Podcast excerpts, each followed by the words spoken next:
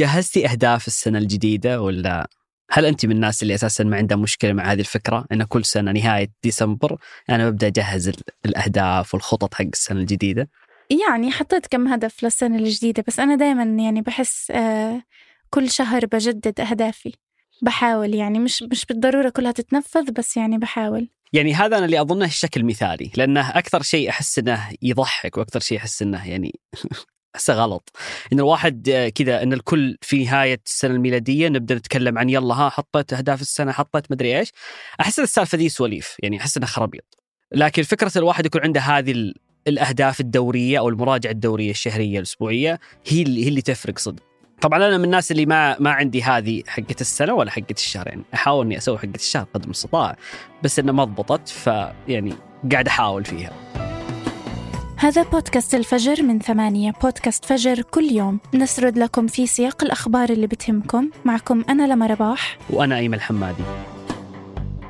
الخبر الأول اليوم عن فضيحة تجسس تيك توك على صحفيين اثنين والمساعي الأمريكية لحظر التطبيق. وفي الخبر الثاني بايدن يأمر بكشف المزيد من الوثائق السرية المتعلقة بقضية اغتيال جون كينيدي.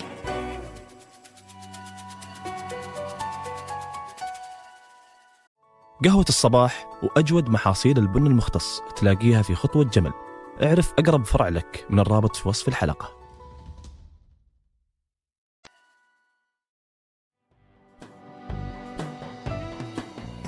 قالت شركة بايت دانس المالكة لتطبيق تيك توك إن أربعة من موظفينها وصلوا لبيانات اثنين من الصحفيين الأجانب بطريقة غير مشروعة وإنهم ما عاد يشتغلون في الشركة نتيجة لفعلهم هذا. الصحفيين الاثنين هذولي هم صحفي سابق في باز فيد وصحفي في فاينانشال تايمز كان هدف التجسس عليهم هو تحديد مواقعهم من خلال معرفة ال IP address حقهم ومقارنته بمواقع موظفين في تيك توك كانوا المتجسسين يشكون إنهم يسربون معلومات غير مصرح نقلها للصحفيين.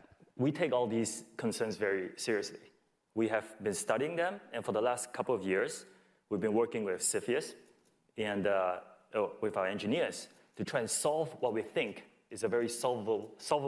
الرئيس التنفيذي لبايت دانس روبو ليانغ قال في إيميل داخلي إنه يشعر بخيبة أمل عميقه وان ثقه الناس الكبيرة فينا واللي بذلنا عشانها جهود غير محدودة راح نفقدها بسبب تصرف أرعن من أفراد وإن هالموقف بيكون بمثابة الدرس لنا كلنا. في بداية تسرب أخبار التجسس كانت تيك توك في حالة إنكار تامة وكانوا ينكرون بثقة لدرجة أنهم قالوا في بيانهم أنهم ما يقدرون يراقبون المستخدمين الأمريكيين للتطبيق بالطريقة اللي تقولها الاتهامات تجاههم وأنهم ما قد سبق لهم استهداف موظف في الحكومة الأمريكية أو ناشط أو شخصية عامة أو صحفي. لكن كل هالتفاصيل اللي كان في بيانهم تبين عدم دقتها لأن حادثة التجسس هذه أثبتت قدرتهم على تحديد أماكن الصحفيين.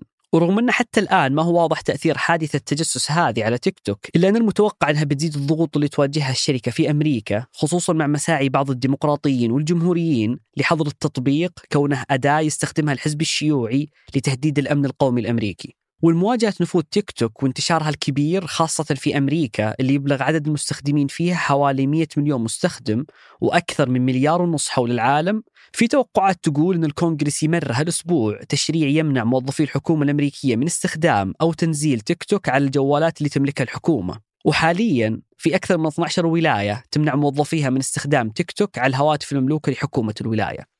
اللافت في موضوع تيك توك أن الجمهوريين والديمقراطيين حاسين بخطر التطبيق ويطالبون باتخاذ قيود أكبر ضد الشركة خصوصا الجمهوريين اللي يعتبرون متشددين أكثر في هالجانب ويحذرون من استغلال الصين للتطبيق في عمليات التجسس وتهديد الأمن الأمريكي. ومن أبرز الأشخاص اللي ينادون بوقف تيك توك السيناتور ماركو روبيو اللي ماسك منصب نائب رئيس لجنة المخابرات في مجلس الشيوخ واللي يقول إن تيك توك والشركة المالكة لها في حالة إحباط من معرفتهم بأن رموز الحزبين الجمهوري والديمقراطي متفقين على خطورتهم وعلى أن الحزب الشيوعي الصيني يستخدم التطبيق للتجسس على الامريكان وحسب روبيو هذا سبب كافي لحظر تيك توك بشكل كامل في أمريكا بس يعني هل صحيح إنه الحزب الشيوعي الصيني له علاقة مباشرة بتيك توك؟ عشان أقدر اجاوبك على هالسؤال نحتاج نرجع للجلسة التحقيقية اللي سواها مجلس الشيوخ الأمريكي في سبتمبر الماضي، واللي كان الهدف منها الجواب على سؤال هل تهدد شبكات التواصل الامن القومي الأمريكي؟ هالجلسة حضرتها مديرة العمليات في تيك توك فينيسا باباز. خلال الجلسة سألها السيناتور جوش هولي هل في موظفين في تيك توك من أعضاء الحزب الشيوعي الصيني ردت فينيسا وقالت إن ما في عضو في الحزب الشيوعي الصيني له علاقة بأي قرارات مهمة واستراتيجية في تيك توك وأكدت أنهم ما يسألون موظفينهم عن انتماءاتهم السياسية ولا يتدخلون فيها. هالإجابة حسب البعض ما هي نفي ولا هي تأكيد لفكرة وجود موظفين في تيك توك شغالين بالحزب الشيوعي. وبحسب تقرير لفوربس استشهد فيه السيناتور هولي في 300 موظف تيك توك يشتغلون بنفس الوقت في وسائل إعلام تابعة للحكومة الصينية. وبوسط تبادل اتهامات بين أمريكا والصين، في من يشوف إن حادثة التجسس هذه أثبتت قدرة تيك توك على استخدامه بطريقة غير مشروعة. ومع حساسية العلاقات بين الدولة الأم للتطبيق والدولة اللي تهدد بحظره، صار مستقبل تيك توك في السوق الأمريكية مجهول. وحتى الآن معظم التشريعات اللي وارد إنها تمر قريبا في أمريكا ما جابت طاري منعه تماما. لكن مع قصة مثل قصة التجسس الأخيرة على هالصحفيين صارت احتمالية حظر التطبيق كليا أقرب اليوم من أي وقت قبل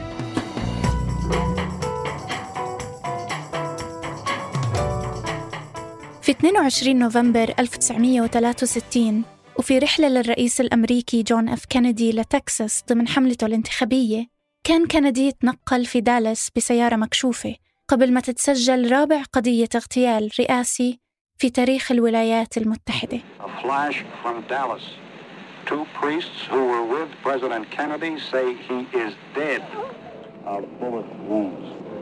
بعد أقل من 70 دقيقة من الرصاصات الثلاث اللي قتلت الرئيس كندي اعتقلت شرطة دالاس لي هارفي أوزولد اللي كان بالدور السادس في مستودع للكتب قريب من مسرح الجريمة وكان يطل من أحد نوافذ المستودع في وقت الاغتيال. أوزولد كان عضو في قوات المارينز أو مشاة البحرية بالجيش الأمريكي اللي دخلها وعمره 17 سنة لكنه يدوب كمل فيها بضع سنوات ثم بدأ وفي ذروة الحرب الباردة يعبر عن إعجابه بالاتحاد السوفيتي. وأول ما ترك مشاة البحرية سافر للاتحاد السوفيتي وبقي هناك لمدة ثلاث سنوات. ثم رجع بعدها لأمريكا. وبعد رجوعه بسنة ونصف بيحدث اغتيال كندي في تكساس. اعتقل لي هارفي أوزويلد بنفس اليوم مثل ما قلنا. وبينما كانت شرطة دالاس تنقله لمقر الاحتجاز أطلق عليه جاك روبي مدير أحد النوادي الليلية في المدينة رصاصة واحدة انتقل أوزولد بعدها لنفس المستشفى اللي نقل إليه كينيدي وماتوا اثنين في نفس المكان. بعد هالأحداث بأقل من أسبوع أصدر الرئيس الجديد ليندون جونسون اللي كان نائب كندي أمر تنفيذي بتشكيل لجنة للتحقيق. التحقيق باحتمال وجود مؤامرة لاغتيال كندي وبعد عشر شهور من التحقيق قالت اللجنة إنه تصرف أوزولد منفذ الاغتيال كان فردي وتصرف جاك روبي اللي قتل أوزولد كان كمان فردي. لكن حسب استفتاء صار بعد 13 سنة من الاغتيال كان أكثر من 80% من الأمريكيين بيعتقدوا إنه الاغتيال كان جزء من مؤامرة.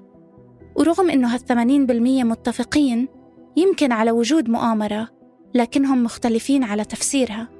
نظريات المؤامرة المتعددة والتفسيرات هاي أشارت ل 42 جماعة محتملة وأكثر من 200 شخص ممكن يكونوا مرتبطين بالحادثة. كانت بعض التفسيرات بتقول إنه نائب الرئيس كندي ليندون جونسون كان وراء الاغتيال لاختلافه مع سياسات كندي ولاحتمال تخلي كندي عنه بانتخابات السنة اللي بعدها. الانتخابات نفسها اللي بالفعل ترشح لها جونسون وفاز فيها أو إنه المخابرات السوفيتية كانت وراء الاغتيال. بسبب قضية الصواريخ الكوبية اللي صارت بين أمريكا والاتحاد السوفيتي قبلها بسنة. ومن أكثر النظريات اللي انتشرت وقتها كانت ارتباط المافيا بالحادثة. كون روبرت كينيدي أخو الرئيس واللي كان في منصب مدعي عام واجه المافيا بأمريكا وضيق عليهم بكل الطرق. جزء كبير من تزايد ظهور هالنظريات ونسبة الناس اللي بيدعموها كان سببه بقاء معظم ملفات التحقيق بالقضية سرية. رغم أنه مر عليها أكثر من خمسين سنة. ولهذا السبب مرر الكونغرس في عام 1992 قانون بيجبر الأرشيف الوطني الجهة اللي بتحتفظ بملفات القضية بالتنسيق مع ال FBI وال CIA وعدة جهات إنها تنشر كل الملفات الباقية ما عدا 500 ملف مستثنى وتنشرها قبل 2017 لكن هذا ما حصل. فمثلا ورغم الكشف الجزئي عن بعض هالملفات بمرور السنين في 2020 كان في أكثر من 16 ألف ملف لسه سري. ليش ما انتشرت الملفات؟ وليش تأجل الكشف عنها؟ لأنه حسب القانون هذا القرار بيد الرئيس فقط. وب 2017 رفض ترامب كشف الملفات بعد ضغط من السي آي اي وأعطى أكثر من تبرير لرفضه. مثلا إنه في بالملفات عناوين لمقرات سرية للسي آي اي حول العالم بيستخدموها لحد الآن. أو إنه في أسماء وعناوين عملاء للآن موجودين بالخدمة من وقت الاغتيال قبل 59 سنة أو أسماء أعضاء بالمافيا تعاونوا مع السي آي وقتها رح يكونوا بخطر لو انكشفت الملفات. الجديد إنه هذا الأسبوع أعلن بايدن عن كشف كبير للملفات السرية واللي أجل ترامب في 2017 الكشف عنها بيشمل أكثر من 70% من الملفات الباقية بالقضية. وقال بايدن إنه هذا الكشف بيشمل كل الملفات اللي بيقدروا يطلعوها بدون ما يكون في تهديد للأمن القومي. هذا كان شوي محبط للمحللين المهتمين بالقضية لأنه أكثر تفاصيلها ما زالت بالملفات السرية اللي عند الحكومة اللي ما تم الكشف عنها رغم مرور كل هالسنين على الاغتيال. ورغم أنه الملفات الجديدة حسب المحللين اللي درسوها ما فيها إشي جديد بغير من النظرة الرسمية للقضية. يعني إنه أوزويلد قتل الرئيس بتصرف فردي وجاك روبي قتل أوزويلد كمان بتصرف فردي. إلا أنه الملفات الجديدة التزام ولو جزئي بقرار الكونغرس لنشر الملفات السرية 1992 وخطوة لمواجهة النظريات اللي بتفسر الاغتيال. وقبل ما نختم هذه أخبار على السريع حتى تحد من انخفاض الإيرادات وأعداد المشتركين نتفليكس راح تجمع معلومات الأشخاص اللي يشاركون حساباتهم وتجبرهم على دفع مبلغ ما يزيد عن ثلاثة دولارات. ومع الاشتراك الجديد راح يكون عند صاحب الحساب الأساسي رمز خاص يتغير كل شهر واللي من خلاله يقدر أي شخص غيره يتابع أفلام نتفليكس.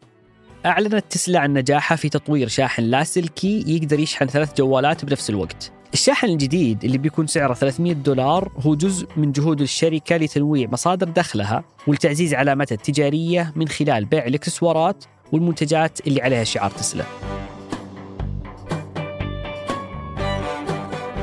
أنتج هذه الحلقة عمر العمران وعبد العزيز الحبيل. وقدمتها أنا لما رباح. وأنا أيمن الحمادي. وحررها عدي عيسى.